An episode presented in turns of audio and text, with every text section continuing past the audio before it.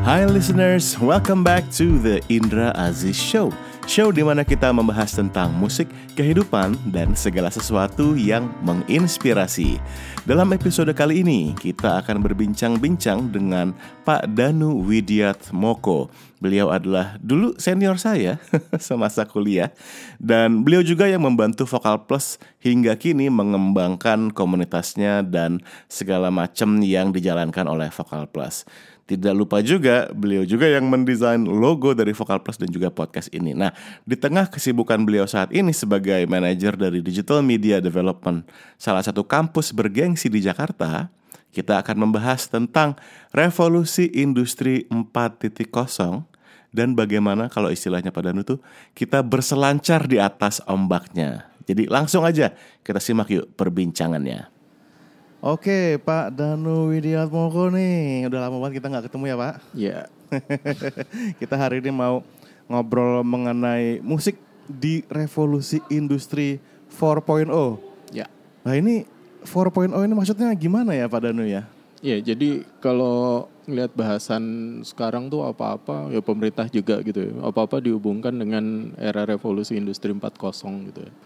Kemudian ya sebelumnya apa sih gitu revolusi 4.0 itu. Jadi eh, gampangnya sih ini adalah industri keadaan industri abad 21 yang kerasa banget perubahan besar-besarnya itu di bidang lewat perpaduan teknologi gitu. Jadi dulu sekat-sekat antara dunia fisik, digital dan biologi makin gak ada batasnya gitu. Jadi yang membedakan itu uh, di era biologinya nanti bisa jadi satu.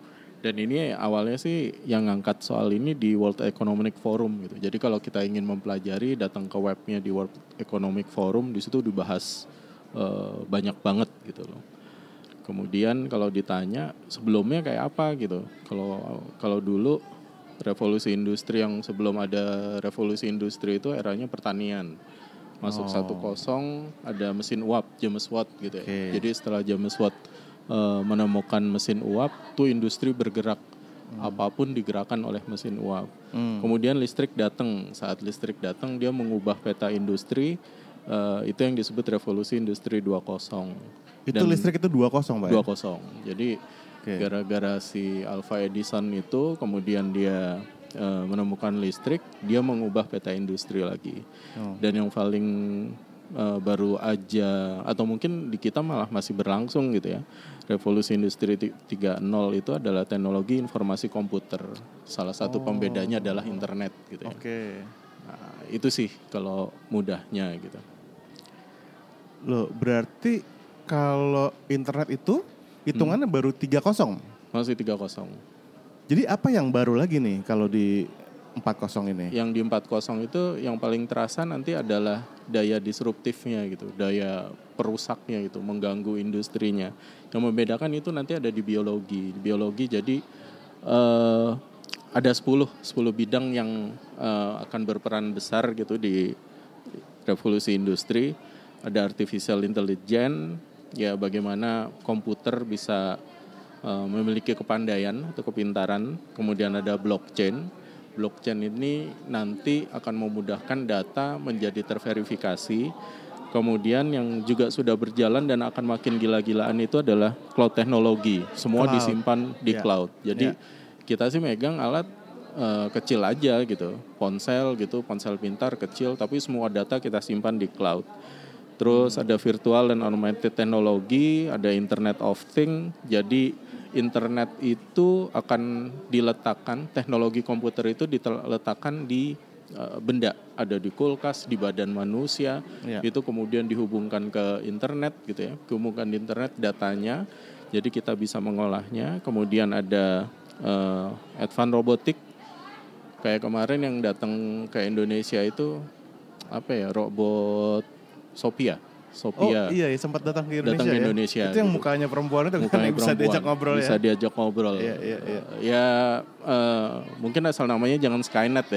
Yeah. Kalau Skynet nanti yeah, yeah, yeah, film yeah. Terminator gitu. Film ya itu itu debat panjang lah gitu. yeah, yeah. Kemudian mobile internet, genomik. Nah, ini genomik itu yang uh, nanti orang bisa ditransplant. Yeah.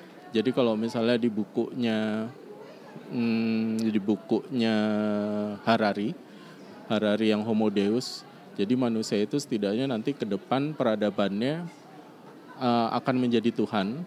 Hmm. Yang kedua hidup abadi. Kemudian mencari kesenangan-kesenangan yang akhirnya menjadi apa ya kerja itu menjadi tidak relevan semua dilakukan oleh robot. Dan yang pasti kita bisa merekayasa genetika gitu, genetika. Jadi DNA-nya diatur-atur, genom itu sudah dipetakan oleh manusia. Kemudian sekarang kalau misalnya eh, tuli itu bisa dihilangkan dari dari semenjak belum lahir, ya direkayasa itunya. Kemudian transplantasi kalau dulu kan eh, kemampuan ini dipindahkan ke otak orang lain dengan sinyal gitu. Dan ini makin masuk akal sekarang. Iya, sekarang iya. makin masuk. Ngeri sih gitu. Tapi itu pembeda terbesar ya. Terus ada 3D pi- printing. 3D printing jangan melihatnya seperti sekarang jadi eh, benda aja gitu ya. Hmm. Nanti ke depan bangun rumah, Ya. kue, Ya, kue.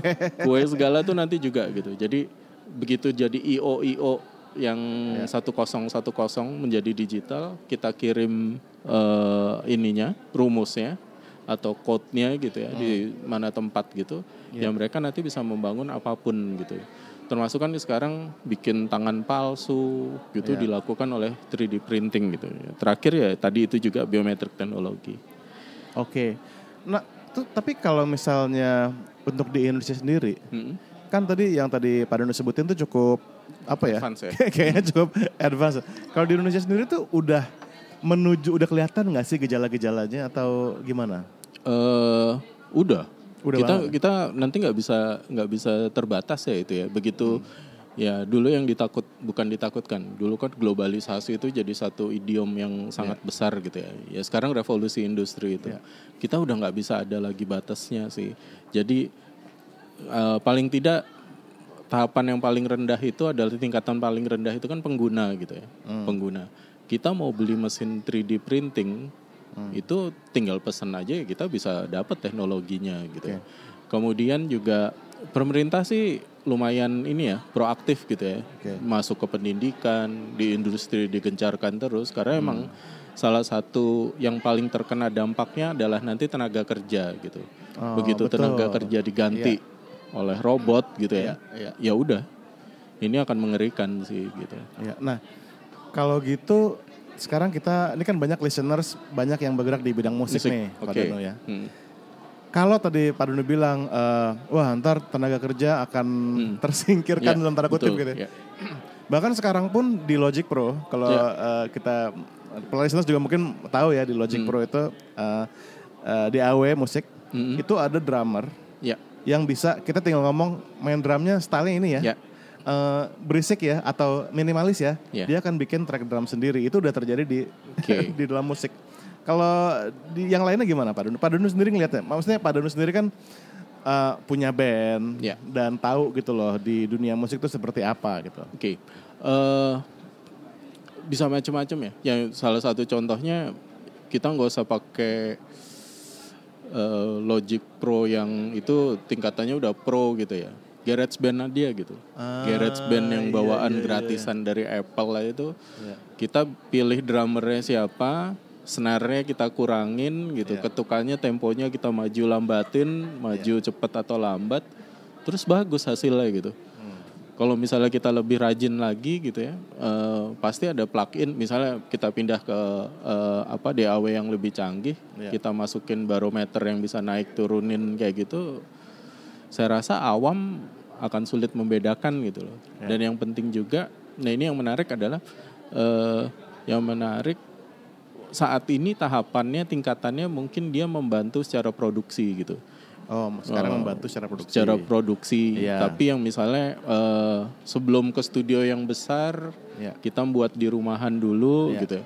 Tapi sekarang di rumah pun juga bisa buat yang secanggih-canggihnya canggih gitu ya musik. Iya. Yang terkena juga sebenarnya dampaknya misalnya ke depan saya yakin adalah industri belajar, belajar Oke. musik gitu ya. Ya. Dulu kan hal yang ah, belajar musik tuh harus eh, apa face to face, Ya. dipegang langsung sama gurunya gitu. Ya.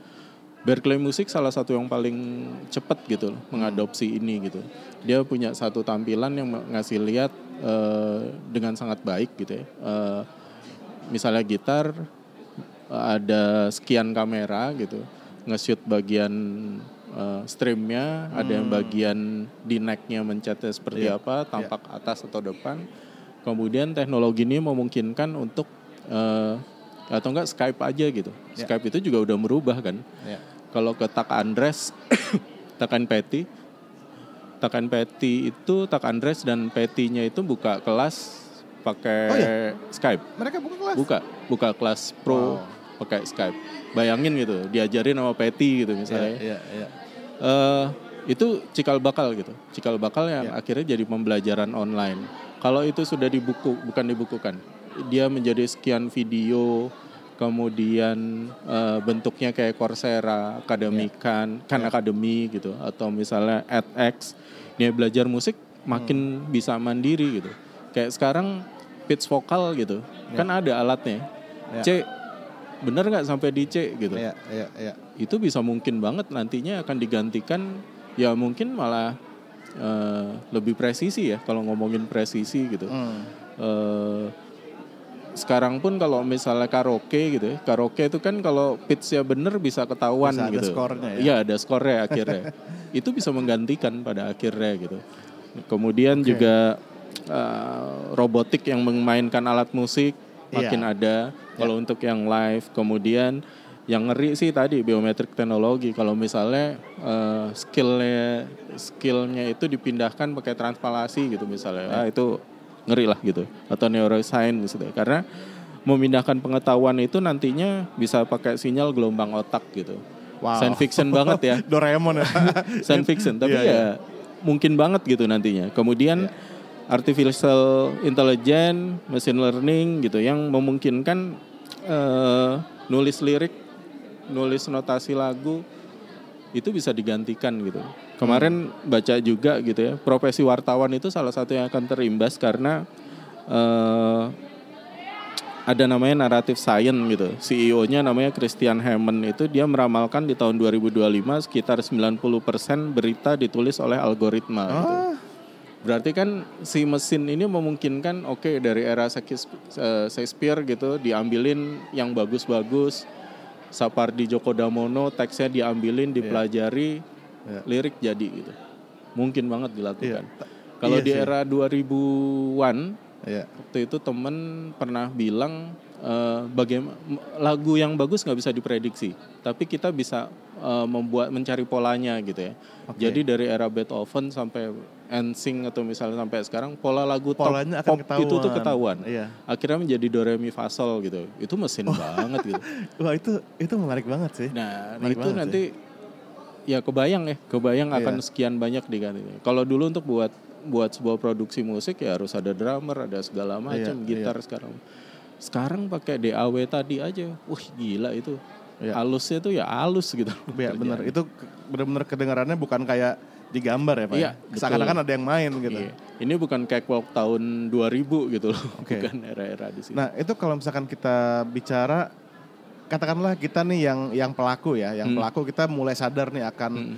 akan pentingnya memanfaatkan eh, Teknologi ya? teknologi. Hmm.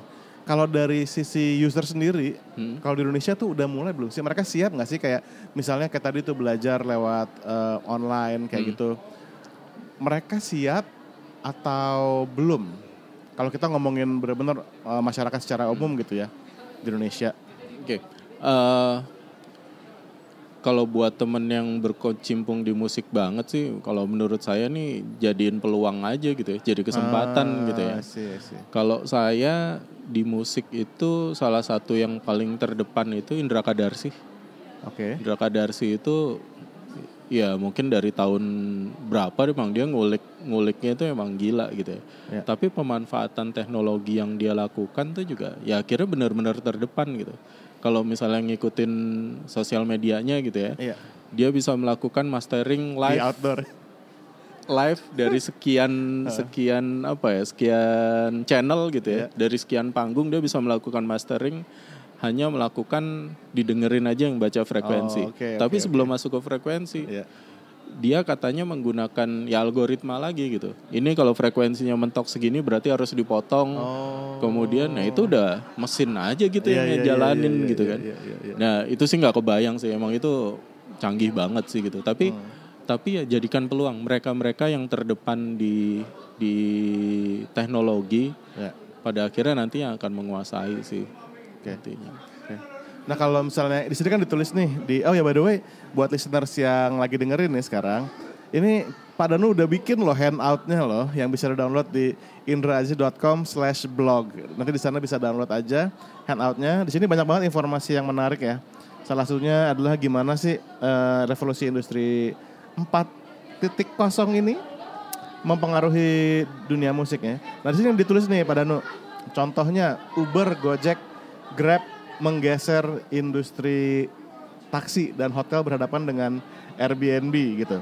Kalau misalnya nih, eh, saya kemarin sempat punya konsep, ini contoh contoh kasus ya. Kalau kayaknya kalau musisi tuh mau bikin single, mau bikin album, Hmm. itu mesti dulu kan mesti Oh, iya.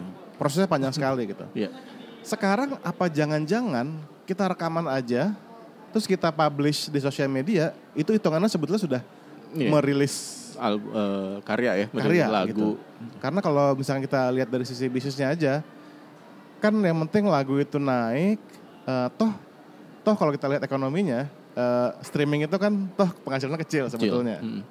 Jadi dia bisa mendapatkan revenue dari manggungnya, dari Iya. apa ya. Tapi untuk proses produksinya sendiri dan distribusinya itu kayaknya udah sangat Hmm. Selesai, gampang. Itu apa, iya. itu apakah termasuk gejala ya? Oh ya, jelas jelas. Dia merubah merubah cara bisnis ya. Mendistrupsi tadi ya? Iya, mendistrupsi tadi gitu. Disruptifnya dilakukan karena eh, label itu salah satu yang terkena habis-habisan gitu kan sekarang. Iya. Nah, major label itu sekarang menjadi ya tetap tetap tangguh gitu, channelnya lebih canggih gitu. Tapi ya sekarang eh, bisnisnya ya ya apa ya tetap susah payah gitu untuk bertahan gitu. Kalau misalnya dari industri musik itu kan katanya ada tiga ya, live music, lisensi dan musik rekaman gitu. Iya. Nah sekarang musik rekaman hmm, modal 5 juta aja sekarang udah bisa buat demo atau Udah single. 5 juta aja Pak ya? Iya, karena paling yang diperluin apa sih gitu. Iya. Ya, kita punya uh, sound sound card yang bagus gitu. Iya. DAW DAW ya sekarang juga nggak terlalu mahal. Iya. Beli mic yang satu jutaan aja sekarang juga udah oke gitu. Iya. Kemudian eh, alat pembersih noise juga udah makin canggih gitu. Iya. Ya kayaknya cukup gitu untuk dilakukan untuk awal sekali gitu ya. Iya. Kemudian kalau misalnya outputnya bukan sampai ke vinyl atau misalnya audio pill gitu ya, Iya, CD iya. audio pill ya kayaknya cukup gitu untuk menggunakan itu gitu. Iya. Kemudian kalau lisensi musik ya itu masih akan terus eh, itu nyawanya nyawanya ini ya, nyawanya para musisi gitu ya. Iya. Live music nah ini ini sih ini peluangnya sangat besar sih kalau saya bilang tinggal bagaimana caranya tinggal bagaimana caranya mem- memberikan nilai tambah di sana gitu Hmm. Nilai, nilai tambah bisa macam-macam mau ditambahkan digital performance gitu ya. Ya. Kalau sekarang banyak yang memadukan eh, digital di belakang gitu, apa screen besar di belakang Oke, video menjadi bagian dari performance-nya performance. gitu. Oke. Atau kalau ingat eh, salah satu konser yang paling eh, fenomenal di dunia itu di dunia digital yang ini ya adalah Iya. konsernya YouTube. Oke. YouTube saya lupa nama konsernya. Itu pertama kalinya YouTube nyoba streaming, Hmm. streaming jutaan orang nonton langsung. Iya. Dan YouTube waktu itu manggung dengan konsep 360 derajat videonya bisa diputer-puter kayak gitu. Hmm. Dan waktu itu YouTube nggak down gitu. Nah sekarang mungkin ke depan ya itu satu lahan industri baru lagi ya. Iya. Kita nonton konser yang nggak perlu datang ke tempatnya, kita pakai AR VR, pakai kacamatanya, tapi pengalamannya persis sama Iya, dengan iya, di sana iya, gitu. iya. Itu peluang sih, ngasih nilai tambah sih. Iya. Gitu ya. Itu bener banget sih. Maksudnya it, sekarang pun udah sangat Iya, terasa udah jalan. Hmm. banyak musisi yang memanfaatkan live streaming Ya. dan mereka bisa menerima bayaran loh pak. Iya. Saat mereka live streaming bisa menerima bayaran. Eh, mungkin kalau di dunia game itu udah berjalan ya. Iya. Kalau mereka streaming game, mereka terima mungkin entah dalam bentuk charity atau apa. Hmm. Tapi di musik pun, nah yang yang kadang-kadang saya tuh sebagai uh, vokal coach gitu ya dan juga mungkin apa ya orang yang suka ngajak orang untuk nyanyi terutama anak hmm. muda gitu nah saya sekarang suka menyayangkan teman-teman khususnya yang mungkin di daerah ya mereka masih ber, ber, menggunakan pola pikir lama artinya oh kalau mau jadi penyanyi mau harus. publish karya hmm. harus sent ke sentral dulu harus ke Jakarta ya. dulu yeah. harus ketemu apa harus di orbitin dulu hmm. gitu nah kayaknya pengen banget ngasih tahu ke mereka semua tentang ini nih revolusi industri 4.0 yang sekarang tuh sedang ombaknya tuh udah kayak ombak hmm. tsunami ya pada yeah, bener betul, ya. Betul, betul. Dan kita harus yeah. mempersiapkan diri. Hmm. Jadi apa aja nih kira-kira Pak Dono? Kalau kalau dari sisi musik atau sisi kreatif deh, sebagai anak-anak muda hmm. yang tahu gelombang ini akan datang, apa yang mesti kita persiapkan? Kalau misalkan uh, saya boleh mungkin kasih apa ya? Kalau saya sendiri gitu, hmm. saya selalu bilang ke teman-teman yang masih muda ini, ya kalau kita bikin musik mungkin tambahin aja sama cara ngedit video misalnya hmm. kayak gitu. Gimana hmm. kalau menurut Pak Danu ya. sendiri? Uh, kalau dari literatur, kalau dari literatur itu uh, mengerucut kedua dua hal gitu. Satu membuat ekosistem, yang kedua membangun platform gitu ini berlaku buat kesemuanya gitu, industri apa pun. Nah, ekosistem ini sebenarnya gampangnya sih komunitas gitu, membangun komunitas. Jadi, kalaupun dasarnya mau di da sekarang daerah tuh juga nggak relevan sih gitu.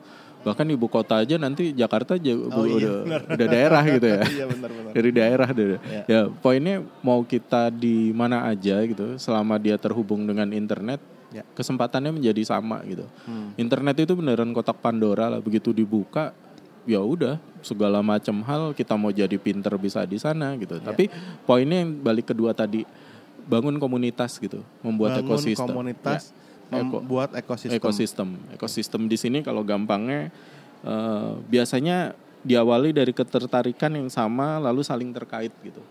Saling melengkapi lalu saling memberikan manfaat. Ini sih sebenarnya vokal plus banget gitu. Vokal plus banget ya.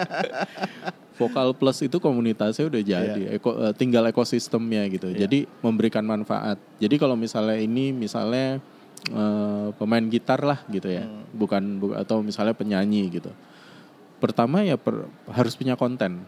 Pasti harus punya konten harus gitu. punya konten. Punya yeah. konten ya channelnya banyak sekarang ya, yeah. YouTube kayak ya apa pun gitu ya. Yeah dari sana kita konsisten menjawab gitu menjawab maksudnya ada orang yang tertarik dengan musik kita ya kita apresiasi kita kelola pelan-pelan yeah. terus sampai bentuk satu komunitas bikin yeah. gig kecil-kecilan gitu jadi kalau yeah. dulu kan zamannya ngeband tuh uh, stagingnya gitu ya dari ya. pertama manggung-manggung dulu sekolahan naik ke kafe naik lagi naik lagi ya. sekarang itunya sih tetap kalau menurut saya sih tetap ada tapi ini malah ditambahkan sekarang ditambahkan dengan teknologi tadi gitu, ya. teknologi informasi yang memungkinkan uh, sosial media. Kebayang nggak sih dulu kita tuh pengen kalau dulu kan bermusik harus ngeprint dulu ngirim ke orang-orang itu kosnya iya. nggak ya. masuk akal iya, gitu. Iya, ya. iya, kalau iya, sekarang ya sosial media. Udah gitu. pernah ya ngomong-ngomong. Ya, ada kayak gitu kan. Atau iya, misalnya untuk ngasih tahu kita mau manggung gitu. Iya iya iya mau gimana dulu caranya? Iya. Mau pasang iklan di koran, iya. gila biayanya berapa gitu. Sekarang ya kita kelola aja uh, followers atau iya. misalnya yang appreciate Aduh, dengan kita gitu ya. Penting banget, penting banget. Nah, jadi uh, membangun ekosistem gitu. Begitu yeah. ekosistem kita kelola ujungnya gitu. Ujungnya kalau mau dibisnisin ya kita bisa menjual apa aja gitu. Okay. Kalaupun nggak dibisniskan, yang pasti dia bisa mengapresiasi karya kita gitu. Yeah. Karena kan bermusik kadang nggak nggak nyari yang beli CD atau album yeah. kita juga kan. Ada yeah. yang nonton kita datang aja kita juga yeah. udah seneng gitu ya. Betul, betul. Satu lagi platform pak. Platform itu uh, kalau ini sih nggak harus nggak harus musisinya menggunakan platform. Tapi uh, dulu kalau sempat ingat Indra Lesmana itu sempat ngerilis jualan albumnya lewat apps, apps iya, lewat betul. apps. Ya. Itu tuh sebenarnya terobosan banget itu. Itu tuh platform. Bayangkan kalau uh, itu dilanjutkan kayak ya. waktu itu. Uh, uh, penggemarnya terhubung di sana, kemudian mau ngasih notasinya, hmm. notasi lagu-lagunya bisa dilakukan yeah. di sana, mau jual merchandise bisa di sana. Hmm. mau chat dengan Indra Lesmana bisa dilakukan ya itu salah satu bentuk platform gitu ya.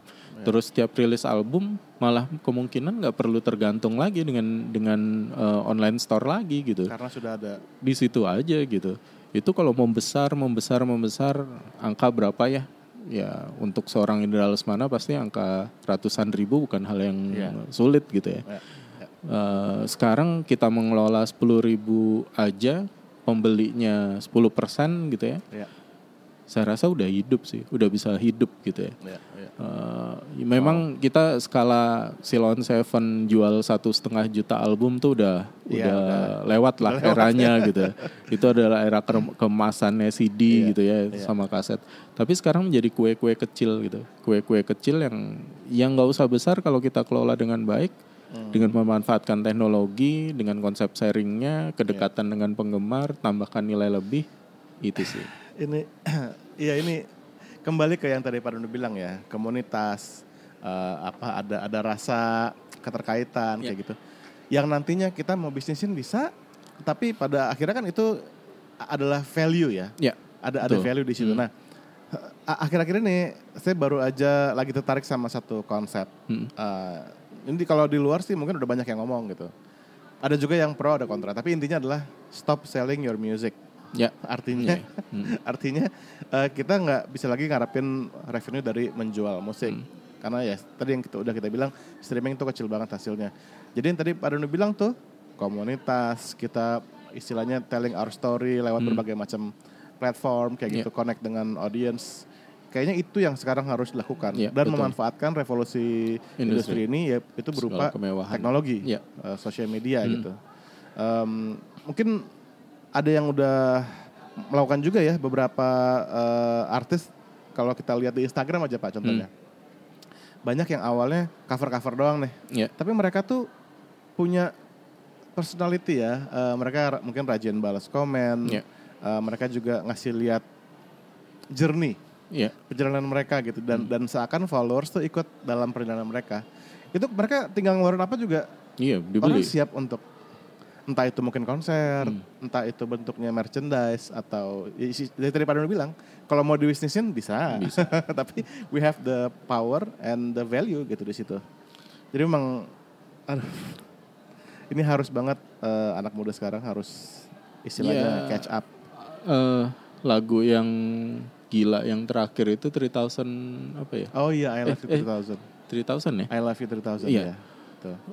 Eh, kalau kita taruh di tahun 2000 mungkin nggak nggak mungkin gitu loh tapi bayangkan gitu Iya. dia bisa melakukan itu nggak ke mana-mana di Jakarta Iya. aja gitu ya bisa nembus ke mana-mana dan Sampai mendunia. mendunia dia membidik eh, momennya tepat gitu Iya. momennya tepat lagi setelah filmnya rilis gitu Iya. tapi itu kan hal yang dulu tuh hampir nggak mungkin gitu ya dilakukan gitu Dan itu terjadi karena si revolusi Iya industri nah ini. sekarang eh, ada yang bilang itu pada akhirnya memang emosi kreatif gitu ya kemudian eh, kreativitas ya kreativitas itu katanya nggak bisa tergantikan gitu ya jadi Oke. kalau misalnya teknologi-teknologi tadi taruhlah kita tempatkan di bagian membantu produksi Hmm. kayak misalnya kalau dulu harus bayar bayar drummer ya sekarang beli sampling yang nanti ke depan ditambahkan AI mungkin ditambahkan emosi juga mungkin banget. Karena si Google sendiri udah ada satu project yang Magenta Project itu sakit sih itu gitu. Gimana tuh Pak? itu jadi dia yang dia lakukan itu ngajarin pasti ngajarin gitu ngajarin mesinnya.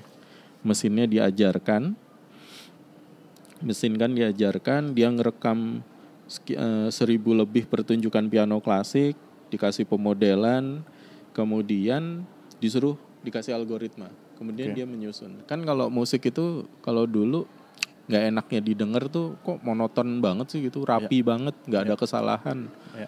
eh, presisi semua gitu Ya. dengan algoritma yang baru dengan AI yang baru yang konsep eh, apa project magentanya Google ini Ya. itu bisa dibuat menjadi senatural Human. mungkin Oh. gitu jadi dikasih kesalahan dikit karena pemain piano yang ini dipelajari kok mencetnya nggak presisi tengah Iya, ya pinggir iya. dikit Iya, gitu iya, misalnya itu iya. bisa bisa dilakukan gitu itu sih biar tapi yang penting kreativitas itu akan tetap ada di manusia gitu, tetap Iya. ada di manusia dan eh, apakah fingering latihan fingering itu menjadi nggak relevan nantinya? Oh, enggak, pasti akan tetap relevan Pasti gitu. relevan. Tapi sebagai musisi mestinya nggak cuma musisi ya, siapa pun bagaimana caranya kita tetap relevan gitu. Relevan dalam arti menggunakan teknologi, manfaatkan teknologi ya dengan bijak tentunya ya. Ya itu sih salah satu cara untuk manusia bertahan sih nantinya. Cara prof- untuk manusia dan bertahan. profesi nantinya. apa pun Dan untuk profesi, bertahan. iya. Ya. Gitu sih. Iya, wah, wah penting banget ya. Sekali lagi listeners kalau kalian mau uh, download handoutnya, kita udah punya handout nih dibikin sama Pak Danu Widiatmoko. Bisa download di indraziz.com slash blog. Di sini ada informasi yang mungkin akan membukakan mata kita dan juga memberikan dorongan ke kita kalau yuk kita sadar dengan adanya revolusi industri ini dan kita mesti bergerak dan istilahnya saat kita membuat karya, saat kita uh, bekerja kita berpikir uh, bahwa ini tuh sedang terjadi sekarang. Jadi jangan lagi menggunakan cara-cara lama gitu Ya, Pak Danu, betul. ya? Manfaatkan, berselancar istilahnya. Berselancar. Iya, berselancar. Jadi ombak sih pasti akan gede, tapi kalau kita berselancar kita akan ngikutin aja terus gitu. Wah. Istilahnya katanya berselancar. Karena ini Pak, like satu that. nih. Iya, iya. eh, eh, komputer sekarang kan udah canggih banget gitu ya. Iya. Komputer sekarang udah canggih. Akan datang eranya nggak lama lagi malah udah ada gitu sekarang namanya era kuantum komputer gitu. Hmm. Jadi gampangnya kalau misalnya kalau era komputer sekarang kan cuma satu kosong kosong satu. Iya. Nah kalau nanti era kuantum itu bisa satu itu ada min satu, ada plus satu, ada min dua. Jadi spektrumnya menjadi sangat luas gitu. Jadi komputer yang sekarang udah canggih ini diberkali-kali lipatkan lagi gitu loh. Jadi kalau misalnya jadi bercandaan gitu, eh, akhirnya nanti dunia paralel itu masuk akal gitu. Segitu segitu canggihnya gitu ya. canggihnya ya. Karena yang kemarin konsep ini aja yang di Star Trek gitu ya, pindah pindah ruang benda itu dalam skala sangat minimal sudah dilakukan gitu. Risetnya udah ada gitu. Nah, poin saya kalau kita nggak berselancar di teknologi tadi gitu, ya musik bagus akan tergantikan gitu. Iya. Musik bagus tuh akan sangat tergantikan oleh mesin tadi gitu, Iya. oleh AI tadi gitu. Lalu kitanya di mana kalau nggak memanfaatkan itu dengan optimal? Iya. Jadi kalau dulu kalau misalnya apa ya mungkin ADMS gitu ya Iya. ADMS dulu kalau menyusun repertoar itu ya harus butuh sekian orang yang membantu nulis satu-satu Hmm. ya mungkin nanti akhirnya dia cuma buat melodiknya habis itu eh, kalau masih butuh orang ya jadi Iya. seatnya itu gitu musik seat gitu kalau nggak butuh ya udah yang penting dia buat satu lainnya udah dikerjain semua Iya, iya. Terus pada ke mana itu musisinya nanti Nah itu gimana ya? Oke, wah semoga listener semua bisa mendapatkan manfaat nih ya dari hasil obrolan kita sore ini ya Pak Danu ya. ya mudah-mudahan Ini kalau misalkan mau eh, lihat websitenya Pak Danu mungkin atau mau lihat kerjaan Pak Danu bisa ke mana nih? di nih. @widiatmoko Eh, At Widiatmoko ya. Itu Instagram, kalau di webnya juga widiatmoko.wordpress.com. Saya masih bertahan dengan menggunakan gratisan di WordPress. Iya, iya, iya. Kalau ke Pak Garuda sendiri apa ya Pak? Kepak Garuda tuh ya mudah-mudahan tahun ini akan rilis lagi gitu. Dulu sih itu eh, project nirlaba juga. Kita yakin tiap profesi itu eh, akan memberi arti kalau dilakukan sungguh-sungguh. Kita mau motivasi sih waktu, memberi inspirasi. Jadi Iya. kita membagikan wallpaper, tokoh-tokoh inspiratif dibagikan gratis. Ya sekarang kita coba yang lebih relevan lagi sih. Mudah-mudahan bentar lagi rilis. Ditunggu, Gitu, ditunggu. yo. Siap. Oke, terima kasih Pak Danu atas waktunya. Oke, sama-sama atas kesempatannya. Ya itulah tadi perbincangan saya dengan Danu Widiatmoko. Bagaimana? Semoga menginspirasi ya. Bagi saya sih sangat eye opening dan semoga listener semua sudah siap berselancar di atas revolusi industri 4.0 ini. Terima kasih banyak sudah mendengarkan podcast The Indra Aziz Show, show di mana kita membahas tentang musik, kehidupan dan segala sesuatu yang menginspirasi. Sampai bertemu di episode podcast selanjutnya dan semoga harimu menyenangkan.